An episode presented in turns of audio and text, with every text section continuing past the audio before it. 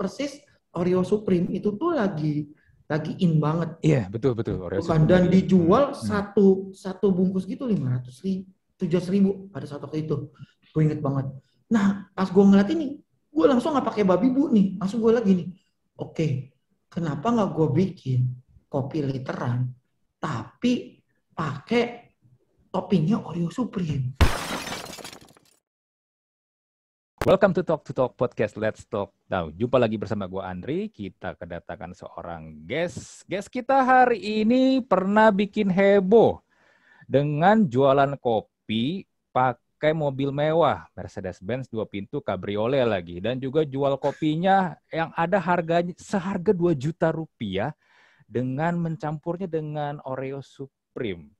Ini adalah Johannes Auri. Dia juga seorang CEO dari sebuah agensi yang bernama idenya Flux. Apa kabar, Bro? Baik, baik, baik, baik. Thank you, thank you introduction ya, Andri. Introduction banget. Introductionnya harus ini dong, harus mewah dan pamer. Kalau terlalu datar, orang nggak akan apa sih orang kalau terlalu biasa. Tapi lu kemarin emang bener bikin iya, harus kontroversi. Ya. Tapi lu emang kemarin emang biar bikin heboh sih. Gue gue baca beritanya. Ini orang siapa? Ini orang siapa jualan kopi pakai mobil mewah? Gitu, gitu gue liat itu Mercy lu tempel-tempelin stiker lu anjir tuh tuh Mercy lu tempel-tempelin stiker kayak begitu lagi udah pas gue buka ya pas gue kletekin hmm. cat melotok itu pastilah so soalnya kan stiker begituan kan mau nggak pasti ada ngerusak cat kan nah, gue nggak nyangka gila gitu kan pas pas mau dia udah tuker gitu kan mau ganti hmm. mobil pas dikletekin copot cat Udah, ya udah lah nggak apa-apa lah. Keisengan doang gitu kan. Iya. Hmm. Tapi lu kenapa bro waktu itu jualan kopi sampai sebegitunya? Dan yang gue lihat rame lagi orang. Hmm. Ada ada aja orang yang beli lagi gila. Banyak banget gila dari gue juga gak nyangka. Hmm. Tapi sebenarnya kalau lu tanya soal kenapa gue jual kopi itu tuh hmm. Jujur nih keadaan sekarang kita kan besok ppkm gitu kan. Itu tuh ngebawa gue sama memori tahun lalu banget hmm. gitu kan. Tahun lalu banget uh, eh, gue kan pindah kantor Ideya Flux ini kantornya kan baru gue pindahin ke daerah Senayan tahun lalu nih hmm. 2020 Februari terus habis itu kan Maret kita kan lockdown iya ya kan hmm. nah pas lockdown uh, pas pindah ke kantor sini tuh itu kan banyak fasilitas ada kolam berenang, salah satunya ada kafenya, ada mesin hmm. kopinya, ada baristanya, hmm. gitu kan, ada tukang pijitnya juga, gitu kan, pokoknya full fasilitas lah. Hmm. Ini kantor, gitu kan. Tapi pas WFH, ya gue gue ngeliatnya kayak gini, aduh, semua udah kerja dari rumah nih, udah terlanjur beli mesin kopi, ada baristanya juga lagi, yeah, gitu yeah. kan. Gimana nih? Nah, itu tuh tim gua yang ngomong, kok boleh nggak pas lagi pandemi kayak gini lagi eranya kopi literan. Hmm, kita iya, dikirimin bener, kok biar kita bisa tetap minum kopi ini. Hmm.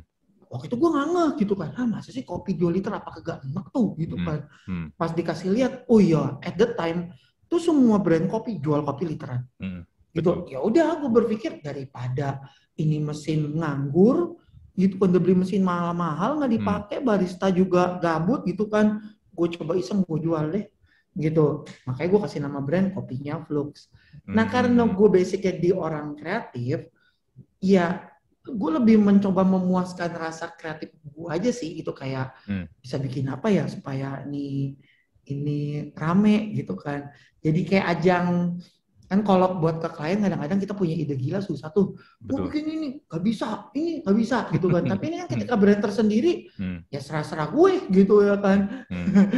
bisa bebas gitu kan. Ya udah singkat cerita nggak pakai lama langsung gue uh, R&D dulu menurut gue udah enak gitu kan. Jual. Pas dijual gitu kan. Eh rame yang beli loh. Hmm. dari teman-teman sendiri gitu kan. Gue kasihin ke klien-klien juga pada saat pas WFH gitu uh, eh, gue masukin di e-com juga rame lah pokoknya gitu nah sampai waktu itu tuh pas gue ngeliat uh, kayaknya gue mesti doing something nih berpikir kreatif apa gitu kan nah pada waktu itu gue inget banget kalau nggak salah bulan April Mei Juni Mei Juni deh gitu hmm. kan hmm. tahun lalu tuh persis Oreo Supreme itu tuh lagi lagi in banget. Iya betul betul. Oreo dan dijual hmm. satu satu bungkus gitu lima ratus ribu, tujuh ribu pada saat waktu itu. Gue inget banget. Nah pas gue ngeliat ini, gue langsung nggak pakai babi bu nih langsung gue lagi nih oke kenapa nggak gue bikin kopi literan tapi pakai toppingnya Oreo Supreme. Gue bilang gitu kan. Oh, gue beli langsung tuh Oreo hmm. Supreme. Dua, ceder gitu kan. Datang, habis itu uh, eh, gue jadiin, gue tumbuk-tumbuk, gue jadiin topping, gue bikin video. Hmm. Dibikin videonya udah well crafted banget, temen gue bantuin gitu kan. Habis itu gue bikin strategi marketingnya. Gue masukin gitu kan. Kayak soal apa, gila nih dijual, ada kopi seharga 2 juta dijual di Tokopedia bisa dicicil, gue bilang gitu kan. Dimasukin ke sosmed, ke hmm. TikTok gitu kan, hmm. di repost sama beberapa account and hmm. going viral gitu kan. Even sampai artis, ada beberapa artis yang beli gitu, itu nggak gue bayar gitu kan. Mereka sampai beli dan masukin ke ke YouTube-nya mereka, gue happy banget gitu kan.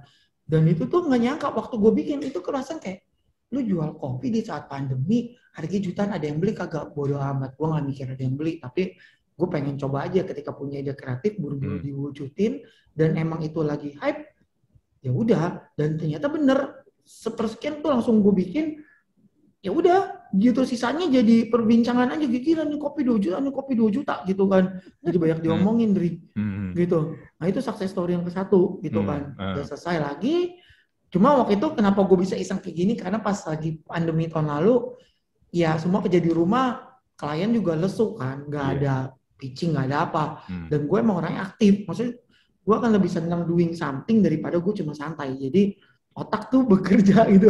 Bikin hmm. apa ya bikin apa ya bikin apa ya gitu. Ya udah akhirnya udah jalan berapa lama selesai. Tapi gue tahu ini nggak akan lama. Betul. kayak cuma dua bulan dua bulan udah turun. Gitu. Hmm. karena emang trennya uh, udah mulai banyak yang masuk segala macam gitu kan akhirnya gue keluarin lagi produk baru gue keluarin produk baru namanya kopi mawar merah. Hmm. gitu hmm. kan. Kenapa kopi mawar merah? Ntar gue kirim ke lu gambarnya, lu bisa kasih lihat nih kayak gini gue bikin. Hmm. Gitu kan. Gue bikin kopi rasa mawar. Gitu. Tapi menariknya gue jual ini jadi paket. Uh, di dalamnya tuh ada boxnya mewah. Isinya ada kopi mawar merah, ada bunga mawarnya, ada coklatnya dan ada ucapan cinta. Nah, hmm. gilanya gue jual kopi ini itu bukan pas lagi Valentine, Dri, gitu kan. Hmm. Uh, ya lagi di bulan-bulan masih di bulan-bulan pandemi gitu. Pas gue jalanin ini banyak yang beli nggak? Enggak sih. Gitu kan. Tapi gue bingung gitu kan. Hmm. Tapi karena nggak banyak yang beli, akhirnya gue pikir gini, kayaknya hmm. gue masih doing something lagi nih. Hmm. Ketika itu juga, ketika gue ngeliat mobil gue, langsung gue dapet ide. Kenapa nggak gue coba jualan paket kopi mawar merah. Ini pakai mobil gue karena mobil gue kebetulan merah. Langsung gue kontak temen gue eh gue numpang jualan dong. Karena pada waktu itu udah mulai rame jalanan nih. Hmm. gitu kan. Buat gue minta izin sama temen temen kasih tempatnya. Udah gue langsung gitu nggak pakai lama balik lagi. Intinya kalau lu punya ide kreatif buru-buru jalanin jangan kelamaan mikir bla bla bla bla karena nanti momennya hmm. lewat. Hmm. gitu kan. Itu yang gue dapetin ya. Gitu kayak yang tadi Oreo Supreme bagiin gue bikin. Ah Terus habis itu gue ngeliat momentumnya udah mulai rame lagi jalanan, gue jualan di pinggir jalan. Ya udah gue bikin tuh. Di pinggir jalan, gue jualan gitu kan. Banyak yang beli, dimasukin ke TikTok, balik lagi. Tiba-tiba banyak yang nge-repost lagi. Hmm. dari drama ojol dari apa segala macam. Sampai yang gue bingungnya itu tiba-tiba gue di kontak sama detik.com kita mau liput. Gue kaget gitu kan oke okay, gitu kan. Lo kalau buat hmm. sampai diliput di detik.com hmm. itu bayarnya mahal loh. Iya, iya, gitu iya. kan. Hmm. Dan ini gue di di kontak gitu kan dimasukin ke dia gitu kan dan ketika semua media bahas bam itu langsung satu hari itu bisa ada sekitar seratusan dua ratusan yang beli bahkan pada saat itu lagi rame-ramenya ya Andri ya hmm, hmm. itu satu bulan gue jualan kopinya aja ya kopi tok itu omsetnya 110 juta hmm. satu bulan Gila nggak? Hmm. Cuma gara-gara apa? Ya, ya gara-gara viralnya itu gitu kan. Sampai gue kewalahan gitu kan. Kayak hmm. barangnya, busnya habis gitu kan. Masih nunggu ini segala macam gitu kan. Dan itu tuh tiga bulan tuh dapetnya segitu terus tuh. Paket kopi mawar merah ini dibeli orang terus gitu kan. Hmm. Hmm. Ya udah. Itu, gitu kan. Jadi balik lagi menurut gue, hmm. ketika lu berpikir kreatif, dan momentumnya pas gitu hmm. ternyata bisa naikin sales sih hmm. itu faktanya hmm. Hmm. tapi coba kalau gua waktu kemarin nggak hmm. bikin apa-apa kayaknya nggak bakal bisa laku hmm. deh produk lo bagus tapi lo nggak jago jual nih hmm. iya gitu sih Indri. Packagingnya soalnya menarik bro, nggak nggak biasa hmm. karena kan gini, hmm. pertama adalah hmm. lu, lu memancing dengan sebuah produk yang memang dari awal muncul pun udah banyak orang ngomongin kan dari orang yang bisa beli sampai orang yang emang nggak bisa beli dan cuma bisa ngomongin doang, mm-hmm, ya kan? Mm-hmm. Which is Oreo Supreme itu kan yang kalau oh, salah isi cuma tiga tiga keping ya, sebungkus. Ya, gue jadiin tumbuk, gue jadiin tiga, gue tumbuk, sisanya satu lagi gue jadiin utuh. Jadi orang dapat dua bungkus, satu oh. yang jadiin topping, satu lagi utuh. Mm-hmm. Dan juga pancingan kedua adalah dengan menggunakan mobil mewah itu kan, itu Iya, iya, iya. Gue iya. me memang sih ya nggak nggak bisa dipungkiri di era sosial media sekarang hal-hal seperti itu emang gampang banget trigger orang sih buat apa nih apa nih apa nih. Walaupun gue yakin ya bro, walaupun gue yakin ya pasti ada aja orang yang nyinyir kan tentang hal-hal seperti ini kan. Tapi uh, tapi uh, untuk uh, di uh, di lu it works kan. Lu lu bisa jualan, lu dapat cuan di situ. Hmm, hmm, hmm. Iya kan? Hmm, hmm. tapi emang gila sih. Benar, benar, benar, benar, benar. Nah, tapi gini bro, kalau ya, ngomong gimana? tentang momentum-momentum seperti itu ya, lu kan memang dari awal kalau gue sempat riset-riset nih tentang lu nih, hmm, lu kan hmm, memang hmm. udah masuk dunia kreatif ini pun memang sejak lu lulus kuliah ya, lu lulus kuliah kalau nggak salah dari binus 2006. Hmm, hmm. 2006 ya, correct me if I'm 2006 gue lulus. Iya, 2006. Yes, lu ngambil bener. lu ngambil DKV.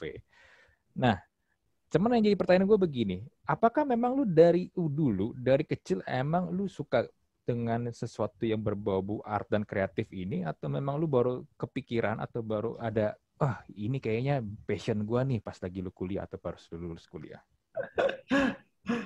Oke. Oke. Okay. Jadi gini sih, gue tuh baru ketemu apa yang gue suka itu ketika SMA. Jadi hmm. ketika SMA, di situ tuh gue demen banget uh, yang berhubungan dengan art. Kayak ngegambar, kayak uh, melihat lukisan gitu kan. Pokoknya ada ketertarikan dengan sesuatu yang berhubungan dengan art lah. Hmm. Cuma waktu itu pada saat pas kuliah, mau mengarah dari lulus SMA ke kuliah, gue nggak tahu kalau ternyata tuh ada lulus ada ada jurusan DKV dan itu tuh waktu itu gara-gara ketemu ketemu kakak kelas gue tanya kak kuliah di mana di binus? Ambil apa? DKV DKV apa kak? Desain komunikasi visual. Kerjanya ngapain? Gambar. Hmm, aha gitu kan. Ada tuh kuliah kayak gitu gitu kan. Tadi gue nggak hmm. tahu sama sekali hmm. kalau ada kuliah kayak gitu. Yang bagi gue tuh kalau nggak IT akuntan, sar, apa uh, insinyur kayak gitu-gitu kan. Mm-hmm. Gue nggak tahu no clue gitu kan.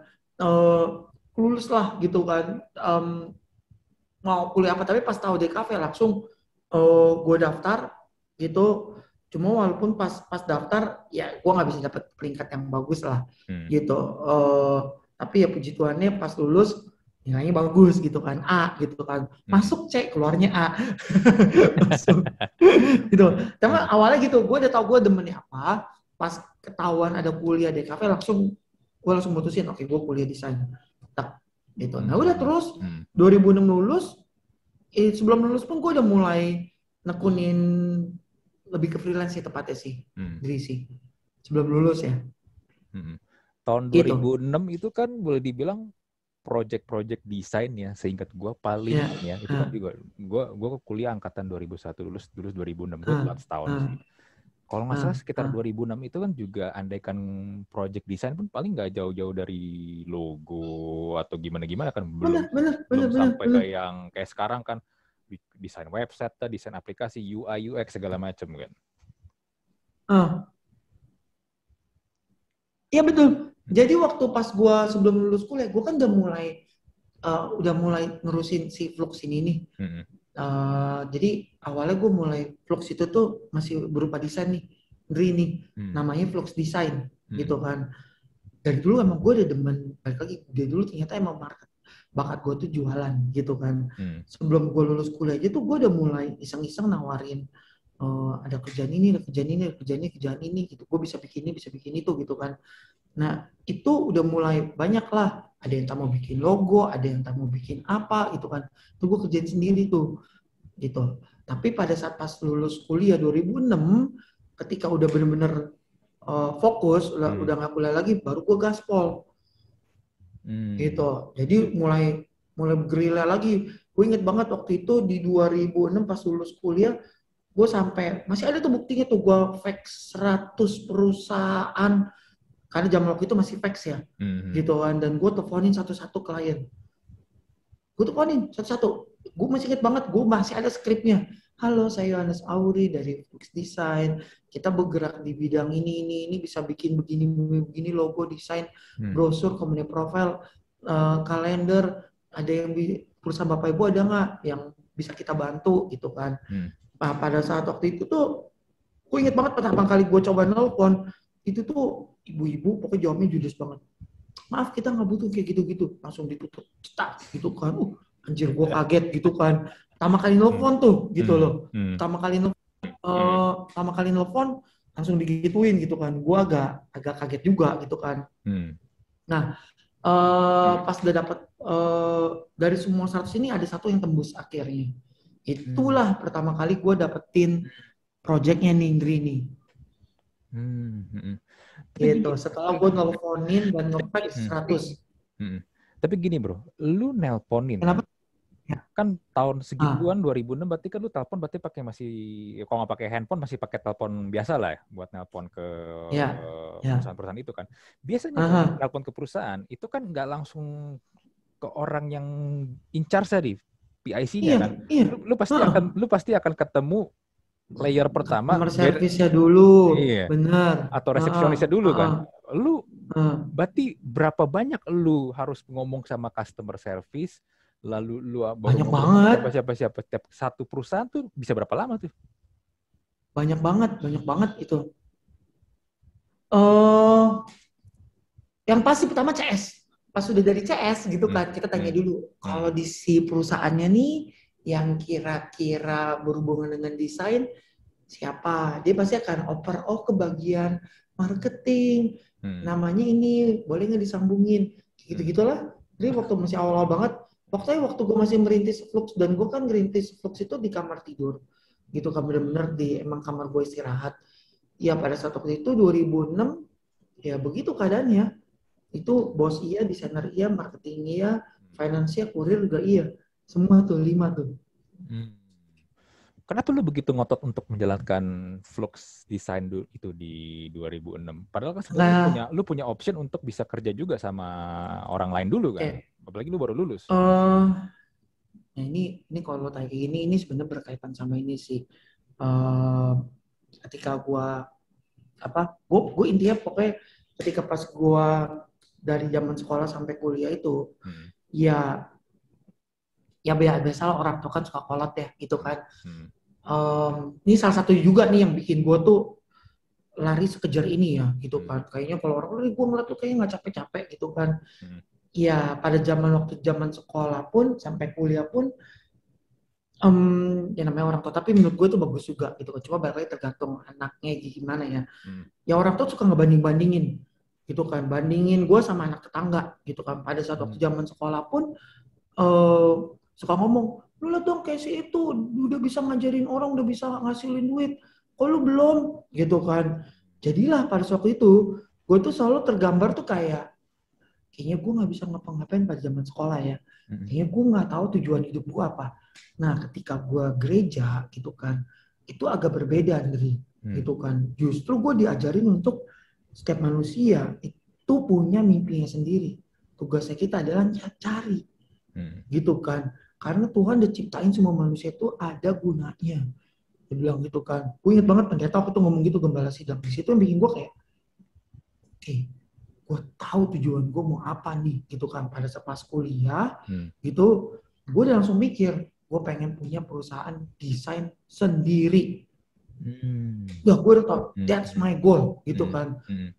Ya udah, ketika gue udah tau tujuan gue apa, gue kejar tuh deketin sini, deketin sana, gue bisa bikin ini, gue bisa bikin itu gitu kan. Hmm. Itu itu yang bikin titik balik gue, gue ketemu tujuan gue apa gitu kan. Ya udah, hmm. 2006 mulai lulus kuliah jalan sendiri, 2008 gue baru pertama kali punya desainer.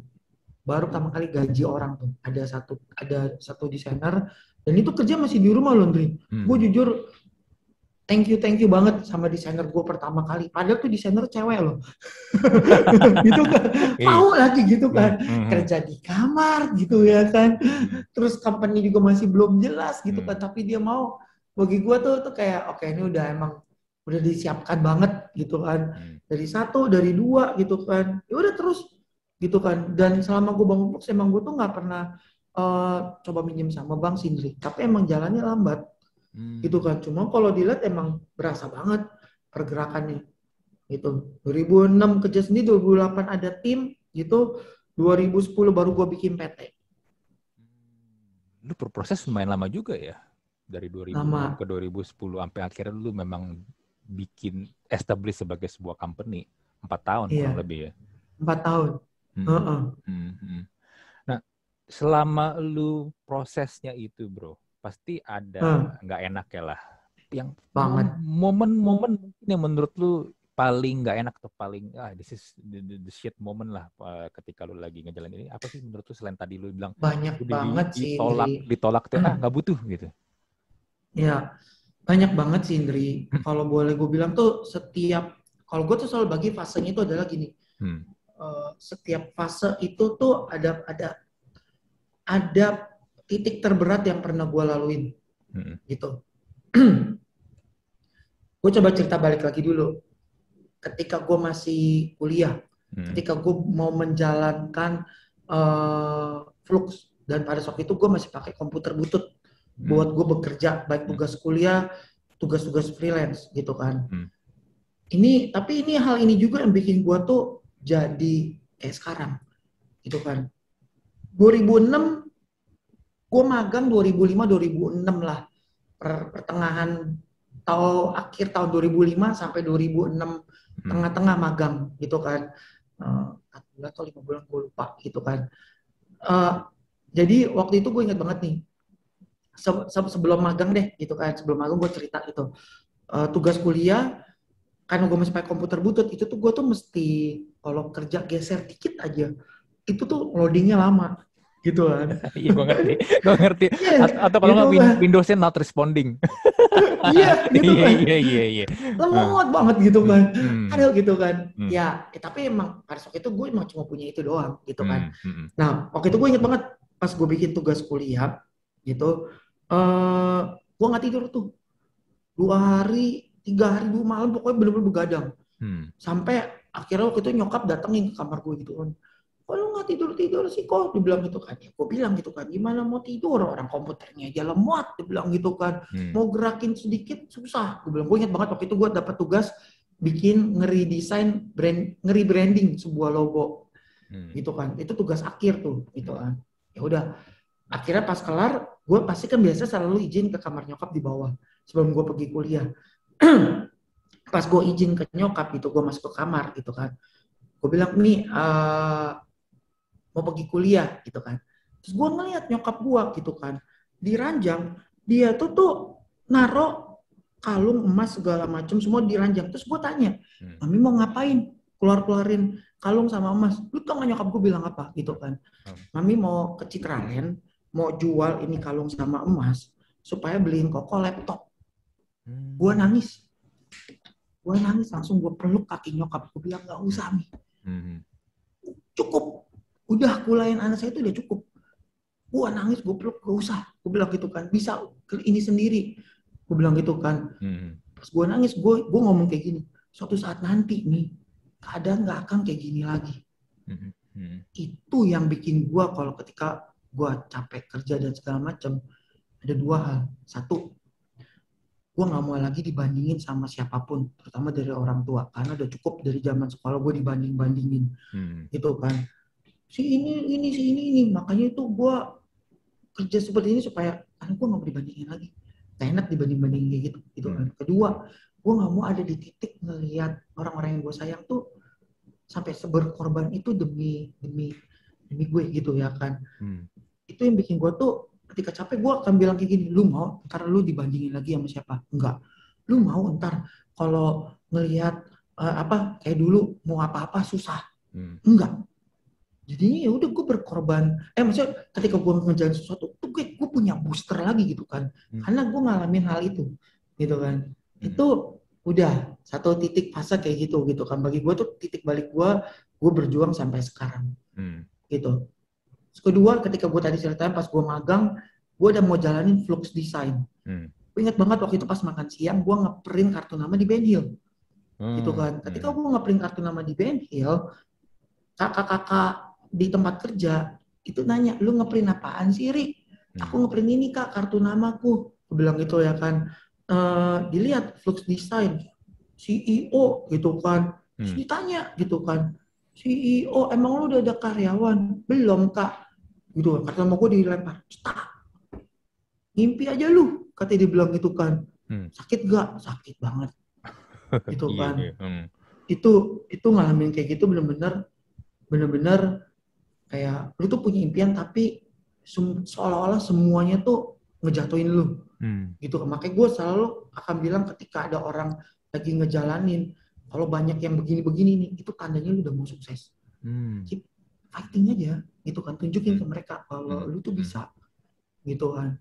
Itu ngalamin fase itu juga udah pernah, gitu. Terus fase diremehkan pun juga iya. Pas ketika gue ngerintis di 2006 ke 2008, hmm. itu kan gue masih sendiri tuh, hmm. gitu kan. Banyak banget malam-malam gue pulang ke rumah nyokap tuh bukain pagar gitu kan kami ngeliat lu pergi pagi pulang malam kagak ada hasilnya kok lu mending kerja tuh sama orang tuh hmm. aduh itu rasanya tuh kayak tuh gue nggak minta modal gitu ya kan digituin tapi mungkin tapi itu memecut gue bener gitu hmm. kan untuk gue harus tunjukin kalau apa yang gue kerjakan ini punya hasil Hmm. Gitu kan. Nah gue inget banget 2008 pertama kali gue beli mobil sendiri Civic, Honda Civic itu cash. Gue inget banget waktu itu saldo tabungan 300 juta. Hmm. Gitu kan. Gue beli mobil Civic 280 juta. Gue beli cash sisa 20 juta. Hmm. sisa 20 juta. Hmm. itu kumpulin duitnya 2 tahun tuh gitu kan. Pas gue beli, jadi nyokap gue ngeliat, buset anak mami hebat banget bisa beli mobil eh, ada kata batik kemarin gue anak sate gue bilang gitu ya kan guyonan aja lah guyonan aja lah itulah gitu kan cuma at the time ketika gue kasih lihat proofnya hmm. gue bisa ngasilin something dari apa yang gue kerjakan baru tuh kalau enggak lu capek gitu kan denger begitu mulu begitu mulu gitu kan jadi itu yang pertama-tama gue alamin itu adalah pasti fase yang tadi gue bilang gue orangnya satu adalah fase penolakan hmm. fase diremehkan fase nggak ada yang percaya apa yang lu kerjakan hmm. Hmm. Itu. Ini udah lu lewatin. Masuk lagi ke fase berikutnya. Gue jalan bisnis ini kan sama sekali nggak ngajarin. Hmm. Pernah kejadian, gue nggak ngerti cara ngerunning bisnis sehingga cash flow gue jelek. Hmm. Gue inget banget waktu itu istri gue udah join di gue gitu kan. Uh, eh, gue inget banget itu tahun 2012. Hmm.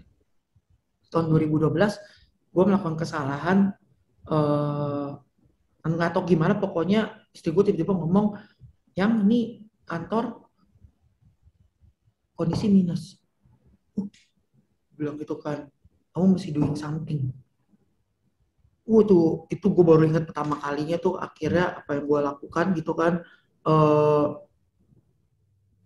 ya waktu itu gue dapat kepercayaan tuh gue dikasih tempat di ruko gitu kan hmm. satu setengah lantai sama klien gue gitu kan dia kasih tempat ke gue nah waktu itu mau nggak mau gue pinjam duit sama dia jaminin uh, eh, STM kamu apa bilang BPKB mobil hmm. wah gitu kan padahal pinjam waktu nggak gede cuma kan emang gue kesalahan cash flow gue nggak teliti gitu kan.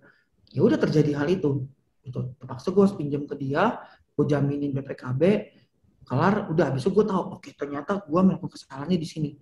Jadi ada nggak fase uh, eh, gue salah langkah? Ada hmm. cash flow gitu kan. Tapi itu jadi apa? Jadi pembelajaran bikin gue jadi lebih kuat lagi hmm. gitu kan. Terus ada lagi nggak ketika lu ngal apa se seperjalanannya ada banyak banget sindri gitu kalau diceritain kok nggak akan habis yang namanya menjalani usaha. Betul. pokoknya menurut gue adalah lu hmm. siap mental nggak? Hmm. karena jangan cuma ngeliat jadi pengusaha enak, wih bisa ini bisa ini. Enggak itu kalau mental lu nggak kuat mendingan gak usah. Hmm. karena nggak akan berhenti masalahnya. Lu ini udah beres. Lu di sini. Enggak ada lagi. Enggak ada lagi. Enggak ada lagi. Jadi nggak akan ada habis-habisnya sih Indri hmm. menurut gue gitu kan. Dan yang menurut gue yang paling um, berat itu adalah itu ketika tahun 2018 kalau nggak salah uh, ya 2018 2017 lah gitu hmm. kan Nah, gue kan beralih switch nih bisnis dari yang tadi cuma flux design, hmm. gue kembangin lagi jadi advertising sama digital agency. Hmm. Kenapa? Karena gue ngerasa gue jenuh kalau cuma nanganin desain doang. Bayangin aja dari 2006 gue nerusin ini, hmm. Hmm. gitu kan, sampai ke 2016 lah. 2018 gue baru ngubah nama, jadi idenya Flux, gitu kan tapi di 2016, gue tuh inget banget, ini menjadi titik cikal bakal idenya Flux. Waktu itu gue ngelihat ada potensi diajakin tender Citylink. Hmm, gitu. Okay. Nah, bisa dapat project ini juga menarik juga. Jadi waktu itu marketing gue, bagian bisnis director gue bilang gitu kan, kok ini ada project dari Citylink bikin katalog. Tapi dia butuh cepet. Besok bisa nggak? Ngasih brief sore. Hmm. Jam 3 gue inget banget ah katalog begini mah gampang gue bilang gitu kan hmm. ya udah kerjain panggil desainer kerjain nih ini ini ini kelar besok submit si Tiling pengen ngomong ke kliennya kok lu kerjanya cepet ya? Gue sama agensi yang sebelumnya nih. Kerjanya lama. Nanti gue panggil ya pas ada pitching kreatif kreatif agency. Hmm. oke okay. gitu kan. Udah bener tuh. Akhir tahun panggil lah tender. Masih panggil tender. Gue masih pakai nama Flux Design ya. Hmm. itu sembilan perusahaan advertising gede. Briefing kita bikin idenya mau bikin apa pada waktu itu gue ngerti nggak? Kagak ngerti nih balik lagi menurut gue gini salah satu kunci gue bisa bisa kayak sekarang ini adalah gue menggunakan kesempatan yang ada. Hmm. selalu gue seperti itu gitu kan. Ketika ada kesempatan gue raih dulu. Bisa atau enggaknya lu belajar. Jangan lu belajar dulu habis itu gue bingung mana nih ininya nih? Gitu kan. Yang ada depan mata dulu ketika ada hmm. ambil dulu. Hmm. nah ini nggak banyak orang yang hmm. Yang mikirnya begini banyak hmm. orang mau main aman mau ada di zona nyaman ntar dulu deh gua nggak bisa coba waktu itu ketika gue bilang ada nih panggil tender nih enggak deh gua nggak bisa hmm. Waduh, nggak ada ide sekarang nih tapi waktu itu gue ambil, hmm. habis itu gue belajar sama kakak kelas yang dia di, udah kerja di advertising. Gue datengin. Malah sekarang perusahaannya itu udah nggak ada Nindri gitu kan. Padahal itu gue belajar sama dia gitu hmm. kan. Hmm. Gue belajar ke cara cara advertising agency bikin deck gimana. Hmm. Gitu kan. Gue mau lihat dong, kasih lihat. Oh lu mulai dari insight-nya dulu, kreatif communication-nya apa, baru terjun ke desain. Nah, gue kan dari graphic house apa-apa langsung jadi desainnya. Hmm. Stack gitu kan. Tapi waktu itu gue belajar, oke okay, gue tahu. Oke. Okay. Bikin, ternyata dari sembilan agency, tiga besar. Hmm. Dan ini dua, dua pesaing Flux ini, itu brand-brand gede. Satu multi, satu lokal. Gede lah pokoknya. Dan ketika udah tiga, gue inget banget. Pas, pas presentasi akhir nih, ada si ada direktur utama, ada direktur niaga. Hmm. Semua datang gue ingat banget direktur niaganya ngomong ke gue gini Ori kamu tahu kan Fluk Design masih baru gak ada yang tahu perusahaan kamu gitu kan kenapa kita harus pilih kamu hmm. digituin terus hmm. gue jawab begini oke okay. gue utang budi banget sama Pak Hans ini karena gue ngomong gini waktu itu ke dia oke okay, Pak Hans saya tahu Flux Design emang masih baru gitu kan tapi Pak Hans boleh nggak melihat dari sisi lain dari sisi kreatif kita dari sembilan agensi bisa ada di tiga besar ini berarti kita punya something yang different kita punya sesuatu yang seger hmm. gitu kan dan saya mau pastiin kalau Flux dipercaya project ini saya pun sebagai CEO akan terjagain klien ini bilang gitu kan dan boleh nggak kasih saya waktu gini deh tiga bulan jalan dulu kalau menurut Pak Hans kita nggak bagus kita nggak bisa ngikutin maunya Citylink boleh cut kita. Hmm. Mau ngomong apa adanya udah gitu kan, nggak pakai banyak gimana-gimana banget. Kalau emang nggak suka udah cut. Gua, mungkin itu yang dilihat sama si klien kayak, ini orang kok berani dan ini ya gitu mungkin ya hmm. gitu kan ya udah hmm. akhirnya nggak pakai lama kita menang itu kontrak dua tahun hmm. 2016 ke 2018 hmm. dan itu the biggest project ever for Flux ya pada saat itu hmm. hmm. dari situlah gue ngelihat peluang ini lebih menjanjikan dan lebih menantang dibanding cuma sekedar desain. Hmm. 2018 selesai kontrak Citylink, gue ganti nama jadi idenya Flux. Yang fokus ke advertising sama digital agency. Hmm. Jadilah sekarang. Ini yang gue simpulkan ya bro dari cerita lu nih ya. Lu ini diremehkan. Lu ini dibanding-bandingkan. Ya pokoknya lu dalam posisi seperti lu semut yang mau diinjak sama gajah, ya kan? Benar, benar, benar. Tapi tapi gini, hmm. justru yang gue lihat adalah ini yang menjadi, kayak lu bilang, ini yang jadi bensin lu nih. Kondisi-kondisi yeah. seperti inilah, lu tuh jadi seperti apa ya? Ada ingin sebuah pembuktian gitu loh. Gue bisa gitu loh. Gue bisa semut ini yang tadinya mau diinjak sama gajah, gue bisa ngalahin gajah. Dan akhirnya lu buktikan hmm. gitu loh. Hmm, semua itu lu, lu, lu lawan. Karena kan ya balik lagi kalau kita bandingin semut sama gajah, semut sama gajah gede gajah mana-mana lah ya. Gajah mah gampang banget yeah, yeah. bikin semut kan. Tapi yang gue lihat adalah ini justru yang jadi kekuatan lu sih, jadi bensin lu sih. Iya benar, benar benar benar. Sebuah benar juga ya. Sebuah pembuktian kalau gue tuh bisa. Gue gue nggak mau lu cuma bilang, ah lu lu begini, ah lu nggak bisa nih, ah lu ngapain sih begini? Adalah mending lu kerja sama orang udah lu nyerah aja lah. Lu lu nggak mau dia dalam posisi seperti itu. Lu mau buktiin gitu. Ya walaupun memang ya tetap berdarah darah. Nggak nggak nggak semudah seperti cerita cerita di film-film. Hmm, hmm, hmm, hmm, hmm. bener bener bener bener bener bener. Lu lu ngerasa gitu Tapi, gak sih pembuktian itu yang iya. sebenarnya pengen lu cari ya bener bener bener sih hmm. uh, ya benar sih itu boleh dibilang tuh entah kenapa tuh udah gue semakin senang ketika ada orang yang ngomong lu nggak akan bisa hmm. gitu kan hmm. dan keep going aja gitu kan ya udah gitu kan itu mungkin clue yang bisa gue bagiin ketika lu udah punya mimpi yang pasti ini bakal banyak banget yang akan menjatuhkan lu hmm. gitu kan tapi keep going keep going gitu hmm. biar waktu yang kamu buktikan Hmm, hmm. Nah, gue inget banget waktu pas ini ini ini gue cerita lagi hmm. problem yang gue alamin. Uh, menurut gue nih ini masih membekas banget buat gue gitu kan. Ketika gue mau transisi dari yang flux design ke idenya flux gitu, hmm. Hmm. gue masih inget banget at the time gitu. Pokoknya gue berasa gitu kan kayak tim gue itu tuh ngedragging supaya gue tuh nggak bisa maju tim lu sendiri rasa banget yang ngedragging tim gue sendiri ya cuma hmm. ya karena kan gak gampang ya ngerubah mindset yang tadinya cuma ngedesain lu mesti apa pun itu berpikir hmm. ya kan hmm. waktu itu pas gue switch dari flux desain ke dia flux gue banyak banget belajar sama ini gitu kan hmm. uh, minta minta ini buat ngasih uh, training di kantor gue gitu kan anak-anak gue kasih ilmu dan kasih coba yuk kalau kita ada brief ini bikin idenya apa gitu kan. Hmm. Tapi balik lagi karena ternyata nggak gampang merubah mindset. Hmm. Sehingga pada waktu itu gue harus melakukan keputusan adalah 80% karyawan gue waktu itu gue rumahkan pada saat hari itu juga. Cetak gitu kan, udah nggak bisa lagi nih di satu titik gue ngerasa kalau hmm. begini terus nggak maju-maju nih perusahaan nih. Hmm.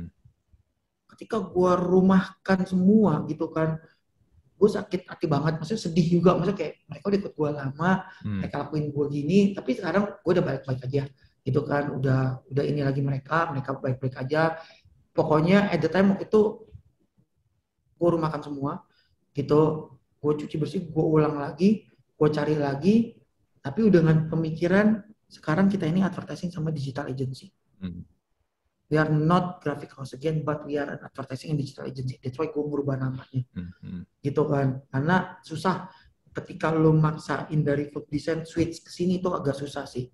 Jadi waktu itu gue pernah kehilangan uh, tim gue gitu kan. Uh, dan gue inget banget waktu itu ada account gue yang ngomong kayak Pak, kerjaan kita banyak nih.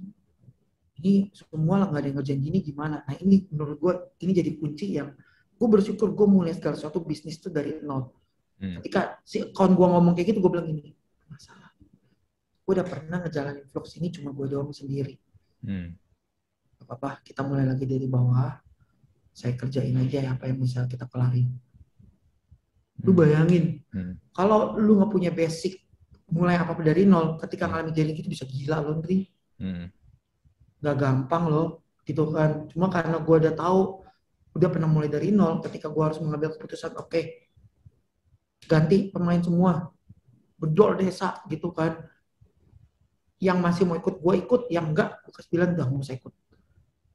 Hmm. gue bilang gitu kan. Sisa hmm. tinggal sedikit mulai lagi dari nol. Gitu kan. Tapi lu lihat sekarang ketika udah berganti tim semua mindset udah dibentuk visi misi jelas gitu kan value-nya tahu mau apa. Sekarang idenya Flux. Udah. Gila menurut gue udah udah berhasil banget Sindri. Hmm. jauh dibanding waktu pertama kali mau merubah gini. Gimana caranya apa segala macam. Kalau gue bisa balik ke 2018 mungkin gue akan ngomong Ri di 2021 apa yang lu capai itu jauh banget. Kakak di Senayan hmm. Gitu kan kliennya gede-gede. Sekarang 70 orang. Hmm. gila benar-benar gue bersyukur banget. Gitu. tapi pada waktu itu 2018 apakah gue tahu mau jadi apa? Bisa sukses atau enggak nggak tahu hmm. jalanin aja. Mulai lagi dari nol jalanin aja. Gitu kan walaupun banyak yang bilang gitu kan nggak bakal bisa maju nih gini gini gini gini gini jalan aja sekarang gitu ya kan Hmm. Lu gitu. ngeliat, ngeliat gak bro gini? Biasa kan ketika kita memulai sesuatu yang belum hmm. jadi apa-apa ya, atau kita belum yeah. siapa-siapa ya, ya masih iya. zero yeah. lah, belum jadi something. Uh. Uh. Orang-orang kecenderungan yang meremehkan kita atau yang memandang sebelah mata ke kita itu, tapi ketika kita ternyata berhasil nih, kita kaya lah, kita terkenal lah. Orang-orang yang tadinya itu meremehkan kita, tiba-tiba berubah tuh Lu berasa gak kayak gitu? Oh itu temen gua tuh. Oh dia emang oh, iya, iya, gua, iya, kenal iya, dia iya. dari dulu. Oh gua kenal sama dia, dia emang gua dia hebat gini gini gini. Oh dia saudara gua tuh yang tadinya saudara tapi kayak nggak saudara tiba-tiba jadi kayak saudara dekat lo. Lu berasa gak kayak gitu? ya ada ya. Kayaknya sih ada ya gitu kan. Biasa tuh orang-orang kayak gitu ada tuh. Gitu. Biasa orang-orang kayak gitu ada tuh. Tiba-tiba bermunculan aja di sebelah lu. Tiba-tiba merasa oh hmm. jadi orang yang paling deket sama lu, yang paling kenal lu udah lama banget. Iya. Adalah, adalah gitu kan. Hmm. Uh, itu nggak bisa dipungkiri ya, pasti dan kayak hmm. gitu ya, gitu kan. Hmm. Ya, ya menurut gue sih kuncinya kalau gue lihat lagi tadi sama Hendry ya, hmm. pas lu tadi runut-runut gitu kan, keep going gitu loh. Hmm. Karena lu nggak akan tahu sejauh mana apa yang lu kerjakan tuh bisa jadi kayak gimana kalau lu tuh nggak jalani terus. Hmm. Tapi masalah tuh banyak banget. Tadi kalau tanya masalah, itu gue udah ceritain. Setiap hmm. fase punya masalah-masalah sendiri. Hmm. Gitu kan. Sekarang pun kalau lu tanya, masalahnya ada lagi, ada lagi, Ndri. Hmm. Nggak akan berhenti. Makanya gue bilang, mikir-mikir dulu kalau mau jadi pengusaha. Gitu kan. Karena nggak akan ada habisnya masalah yang akan ada di depan lu dan lu mesti kelarin. Hmm. Betul. Temen gue pernah bilang gini, jadi seorang entrepreneur itu adalah solving the problem. So every day you will solving the problem. You will face nah. facing the problem and you need to solve that problem. Lu nggak akan bisa lari dari problem karena selalu cakep, pasti cakep, ada. Cakep, cakep. iya kan? Karena selalu pasti bener, ada. Bener, bener, setelah, gue, setelah gue pikir-pikir, iya benar juga ya. Lu setiap kali itu pasti selalu ada. Tiap hari pasti ada ya masalah. Yes, biarpun masalahnya mungkin kecil ya. Tapi ya, ya, lu, ya. Lu, lu perlu menyelesaikan masalah itu. Ya, uh, uh. I think itu sih yang diperlukan mental yang diperlukan untuk seorang yang memang mau hmm. kayak tadi lu bilang bikin hmm. bisnis, kan jalanin bisnis. Karena kan sekarang gini bro, kalau apalagi semenjak Tokopedia dan Gojek itu namanya naik banget kan orang banyak anak muda terutama nih baru lulus hmm. kuliah berlomba-lomba pengen bikin startup. Tapi hmm. problemnya adalah begini karena gue juga lumayan lama ya di startup ya uh, banyak dari mereka ini baru lulus kuliah, masih muda, belum punya pengalaman kerja juga, nggak tahu mesti ngapain, bikin perusahaan sendiri, tiba-tiba dapat funding, bro. Jeder.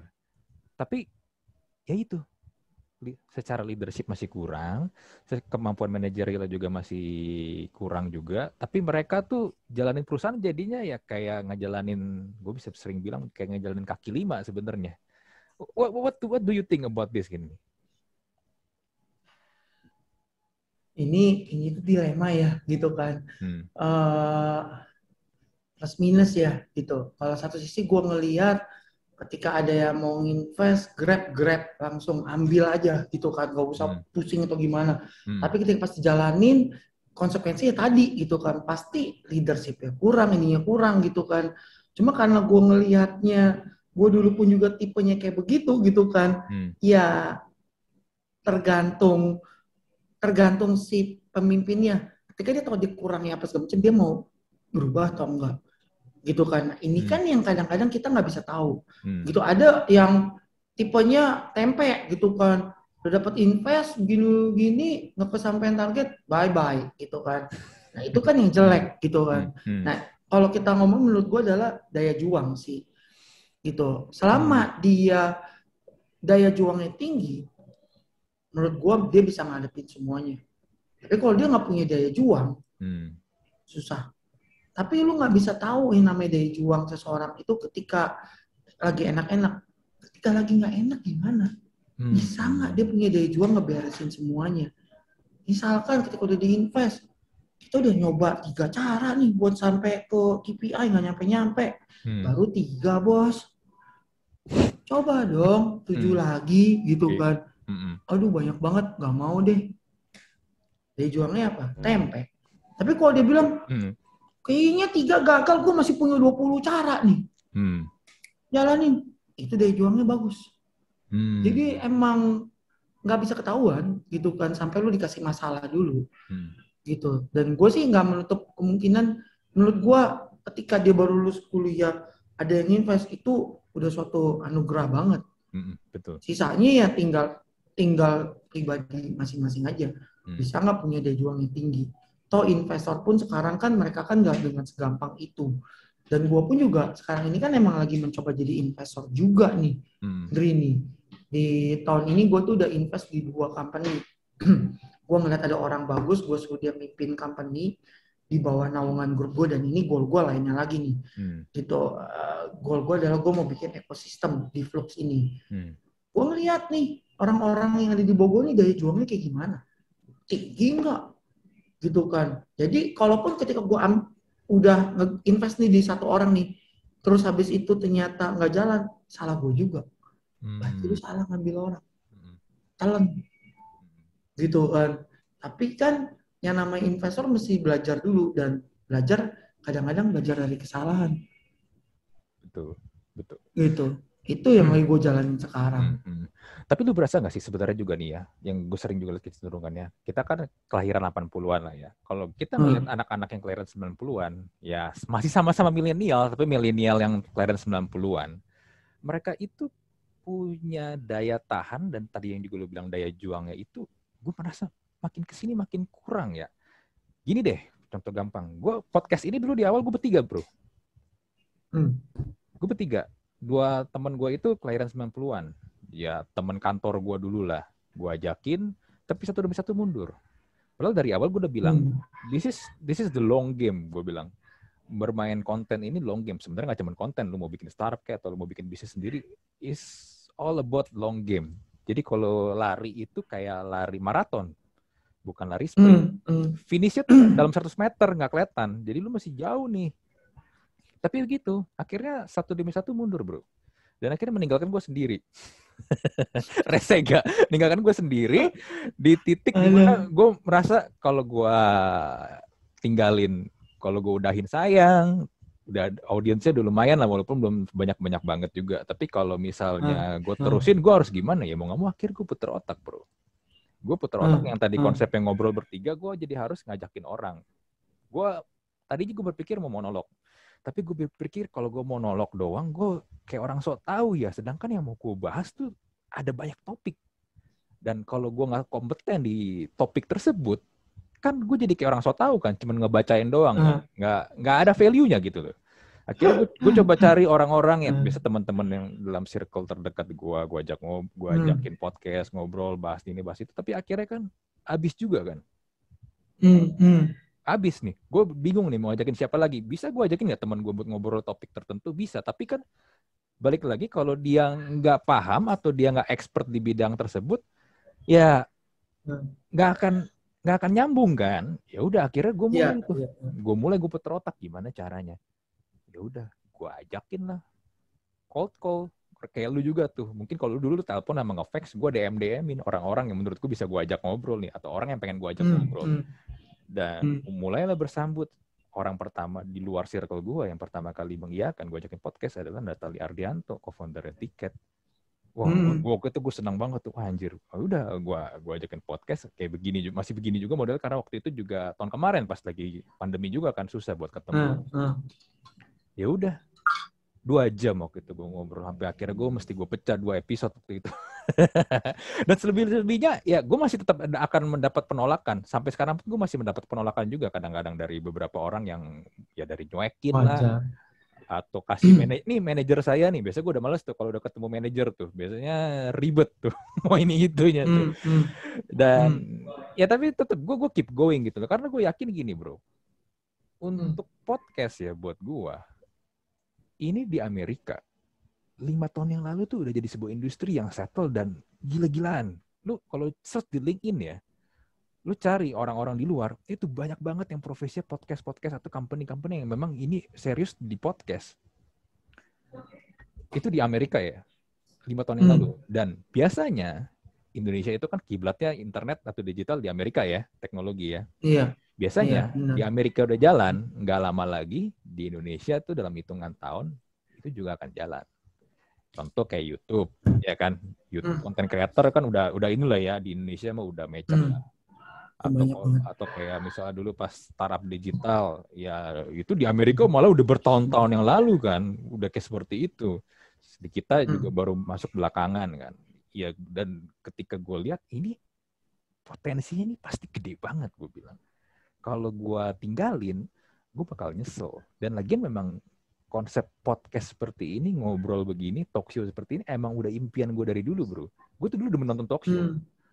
Hmm. Oprah hmm. Winfrey atau kayak sekarang kan masih ada late night show tuh. Kalau di acara-acara di Amerika kan kayak James Corden atau Jimmy Fallon gitu kan. Gue tuh suka nonton gitu karena gue suka lihat cerita-cerita orang. Orang kan punya sharingnya masing-masing kan. Kayak lu juga lu punya sharingnya lu kan.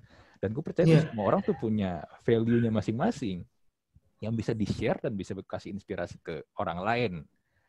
Dan gue pun juga percaya di lu sendiri pasti pasti gue percaya biarpun mungkin satu orang aja pasti bisa kasih inspirasi juga ke orang lain buat orang itu kan.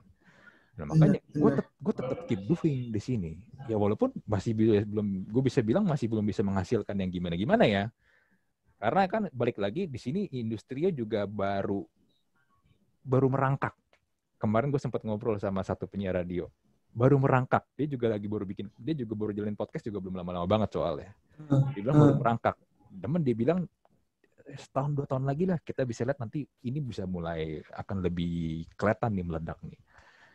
Ya, tapi itu bro, masalahnya adalah banyak dari kita ketika ngejalanin melihat entry barrier gampang, kecil atau hampir gak ada, tapi kok susah ya ternyata ya jalan ini ya. Kok begini ya? Kok ya banyak lah alasannya kan. Lu lu, bener, bener, lu, lu, lu, lu akan menemukan seribu satu alasan ketika lu melihat itu susah dan ya nggak jalan gitu kan. Tapi akhirnya ditinggal bro. Kan menurut gue mungkin itu kali ya. Stamina, ya? Stamina-nya ada. Uh, uh, hmm, uh. Daya tahannya itu. Kalau daya kalau itu enggak kalau, ada. Iya. Enggak, tapi emang kita nggak bisa bilang menurut gue ya kenapa kenapa karena fakta itu gini anak-anak yang sekarang itu gue akuin kok menurut gue akan ada perbedaan jauh antara yang lahir 80-an sama 90-an atau yang sekarang gitu kan. Yang emang kelihatan jelas adalah menurut gua gitu kan. Anak-anak yang lebih tahun 90-an itu mereka tuh adalah lahir semuanya itu kayak serba instan dan serba gampang. Hmm. Gua dulu waktu mau dapetin informasi apa-apa ke perpustakaan.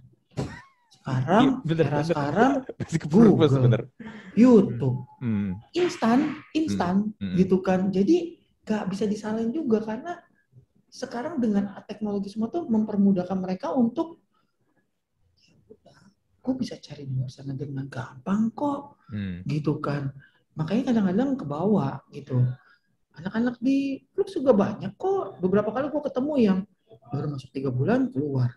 Mungkin Hmm. mereka berpikir nyari kerja gampang. Hmm. sekarang udah ada LinkedIn udah ada online. Mungkin kalau zaman dulu lu bisa dapat kerjanya itu udah udah udah happy banget.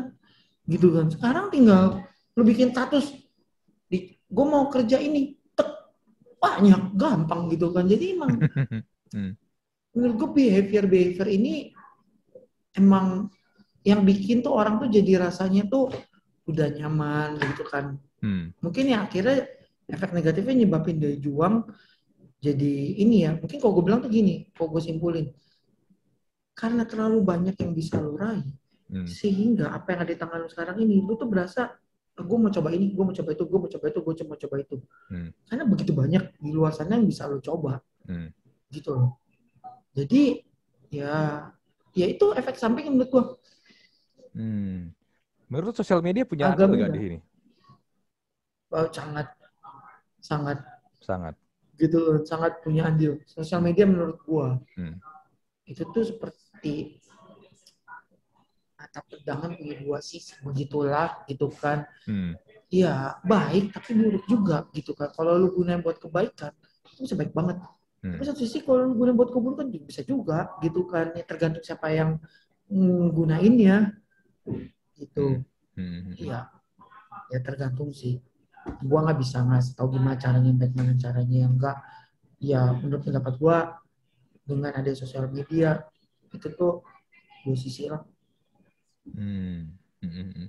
Tapi menurut gue gini sih bro, orang-orang kayak lu gini nih ya, yang memang ya ada berproses bro.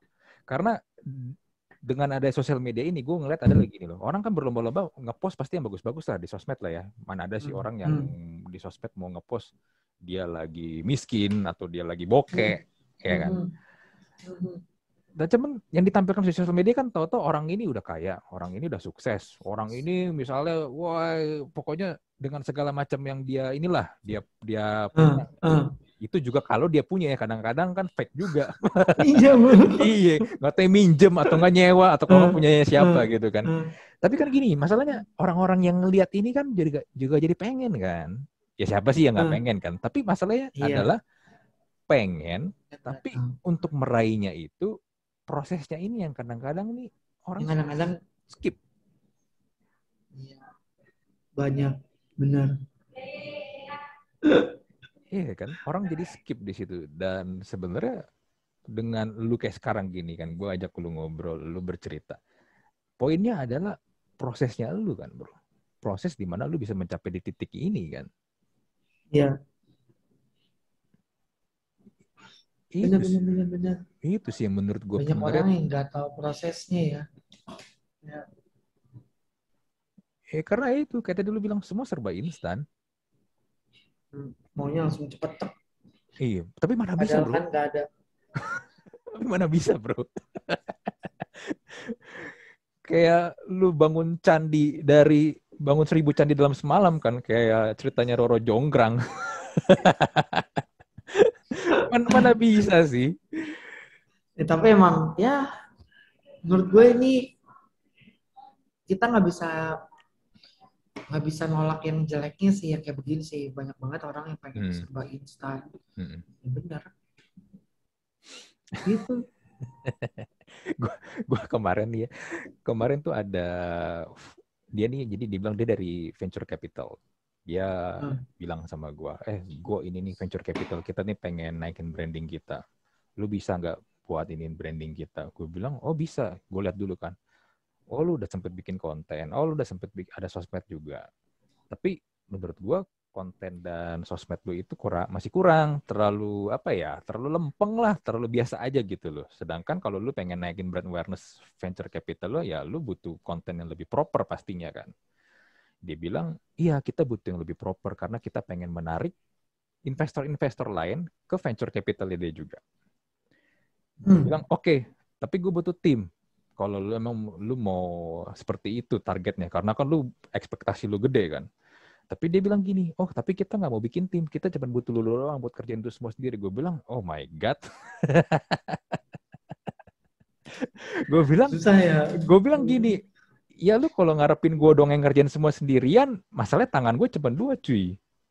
Gak, gimana tapi ekspektasi lu tuh gede gue bilang kan lu seperti ibaratnya hmm. gini lu pengen pemain Indonesia tapi punya skill seperti Cristiano Ronaldo atau Lionel Messi ya nggak susah lah kalau lu nggak lu nggak membuat sebuah pembinaan yang jangka panjang sampai akhirnya bisa lahir pemain-pemain kayak hmm. begitu kan ya udah gue akhirnya gue skip lah mal males kalau kayak gitu tapi ini yang gue ya, bingung gini loh bro karena dia ini sebenarnya venture capital yang juga punya startup startup yang semestinya menurut gue harusnya dia tahu ada proses pasti di balik semua itu kan.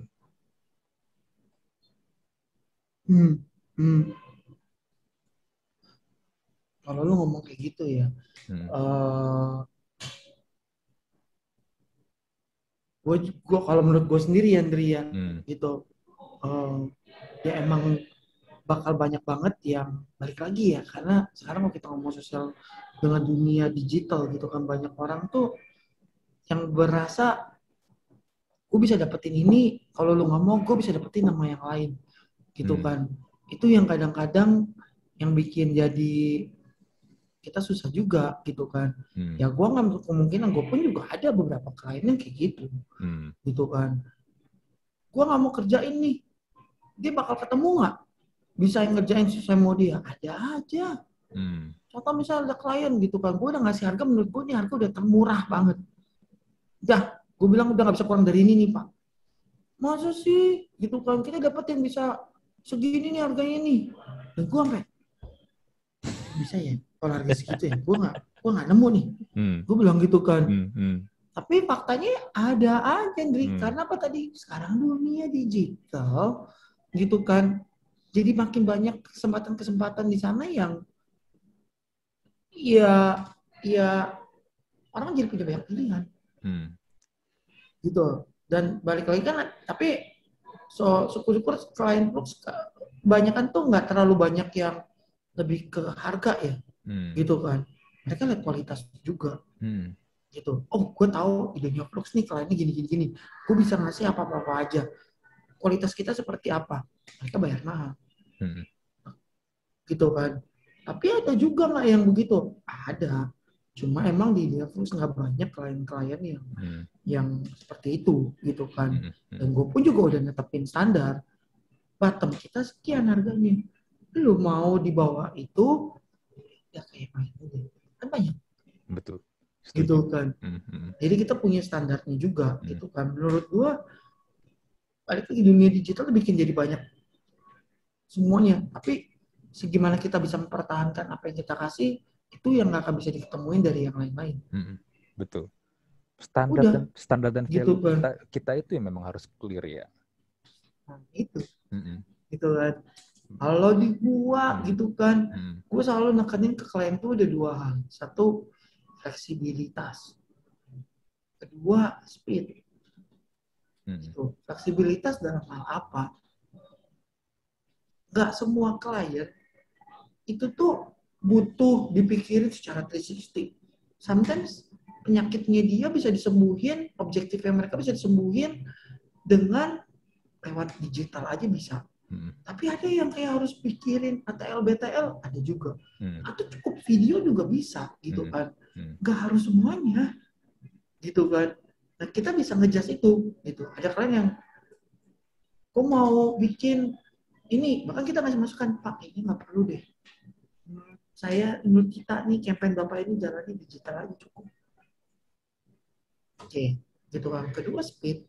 Gitu ini ini perbedaan idenya Flux sebagai lokal agency sama agensi multi. Kita tuh mungkin kalau multi kan banyak layering mm-hmm. kita sebagai agensi lokal cepet ini ini ini lah udah gitu nggak perlu berlayer lah minta approval sana minta approval sini enggak gitu kan itu jadi daya jual kita tuh hmm, hmm. karena ketika kita ngomongin digital lo harus cepat Ndri Tadi gue ngomong kan, hmm. case studies gue tuh yang kopinya flux. Itu momentumnya kan cepet. Betul. Kalau kita nggak manfaatin, hilang. Betul, betul, betul. Iya. Karena kalau yang gue lihat juga ya bro, ya itu sih. Hmm. Mereka sebenarnya juga kadang-kadang no idea mesti gimana. Dan ketika kita kasih tahu nih, eh, ini begini loh tapi karena mereka memang juga no idea dan memang juga mungkin gak paham juga ya tentang apa yang mau pengen mereka harapkan sebenarnya kan. Jadinya kadang-kadang kayak gitu sih. Ya udah, ya taunya begitu doang. Hmm. Akhirnya ya udah, gue bilang, gue bilang ya udah kalau memang nggak sesuai dengan ini lo ya udah, gue bilang silakan cari yang lain nggak apa-apa. Gue bilang, tapi kalau lo mengharapkannya seperti itu ya, gue yakin hasilnya pasti juga nggak akan maksimal juga karena harapan lu terlalu hmm, tinggi, hmm, tapi effort yang mau lu keluarkan tuh terlalu kecil.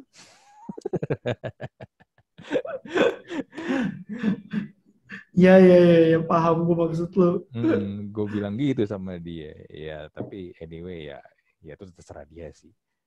Eh, tapi bro, lu kan ngomong-ngomong ya, ini gue baru ingat nih. Lu hmm. kan desain ya. Lu berarti kan sering juga dong pitching-pitching kan. Tadi kan lu juga bilang lu pitching ke ya, klien-klien kan.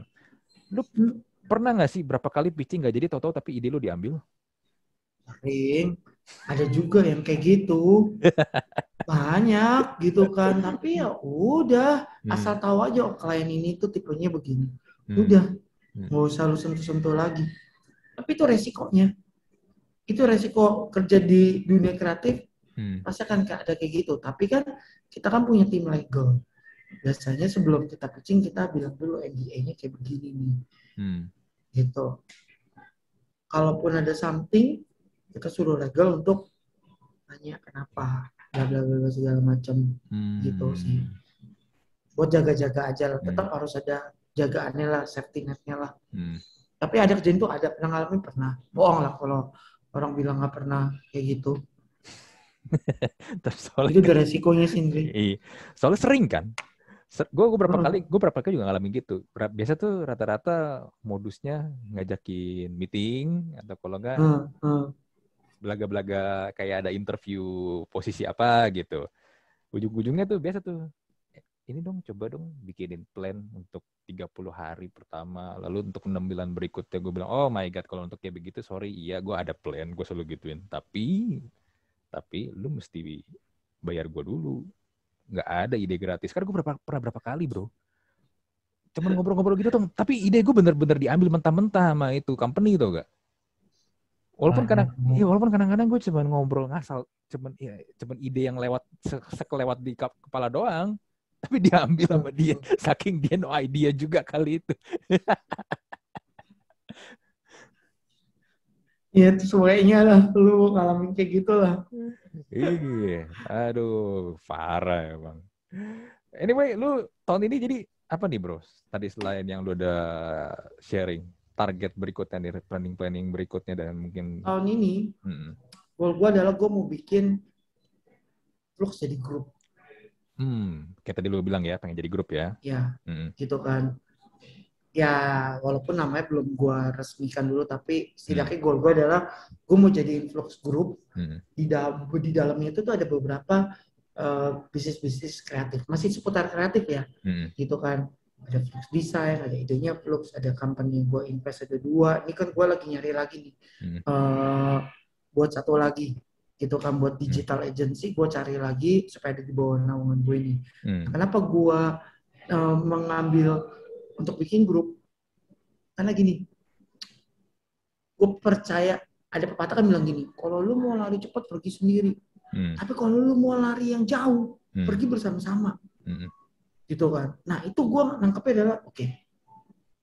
sekarang gue ngeliat nih market di dunia kreatif ini tuh gede banget dari hmm. kalau gue ngeliat gini bisa nggak gue bikin flux yang gede bisa bisa banget Hmm. Tapi gue tau kapasitas gue. 70 orang, makanya sekarang uh, ide Fox nih hampir 70 orang. Hmm. Dan gue bakal mentok 70 udah close.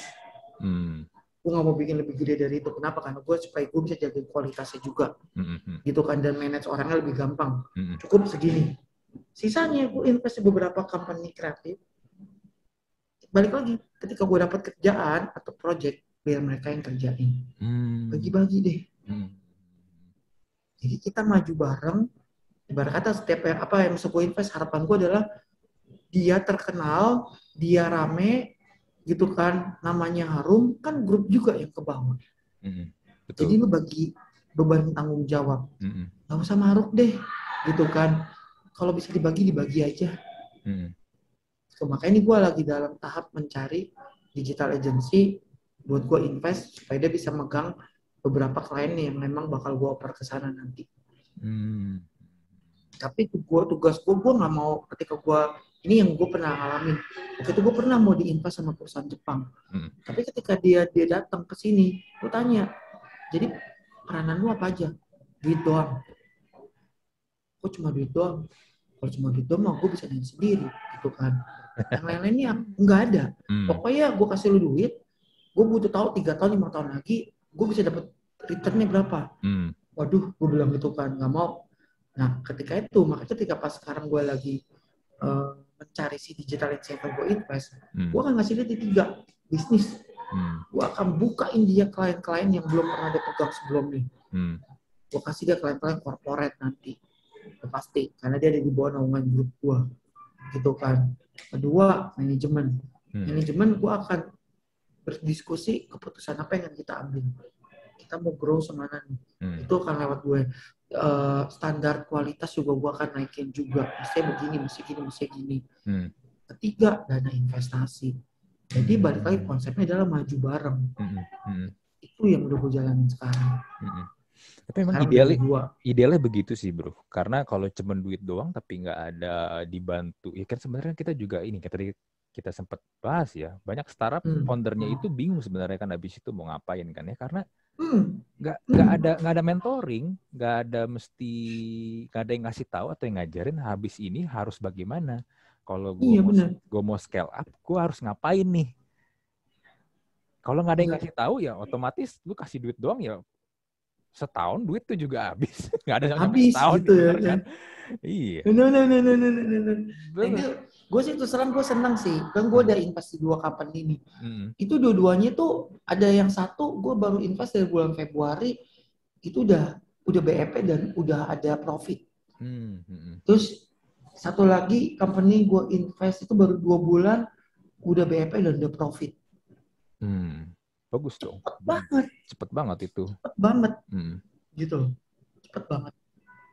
Iya iya iya iya. Iya ya, bener sih. Kita mereka tuh butuh itu. Nah, konsepnya konsepnya gitu aja gitu. Hmm. Maksudnya gini, hmm. gue nggak mau cuma ide gue yang gede. Kalau gue bisa ngegedein lain, kenapa enggak? Tapi buat nyari yang begini-begini susah nih. Hmm. Gue beberapa kali nawarin orang-orang nih, mau nggak lu?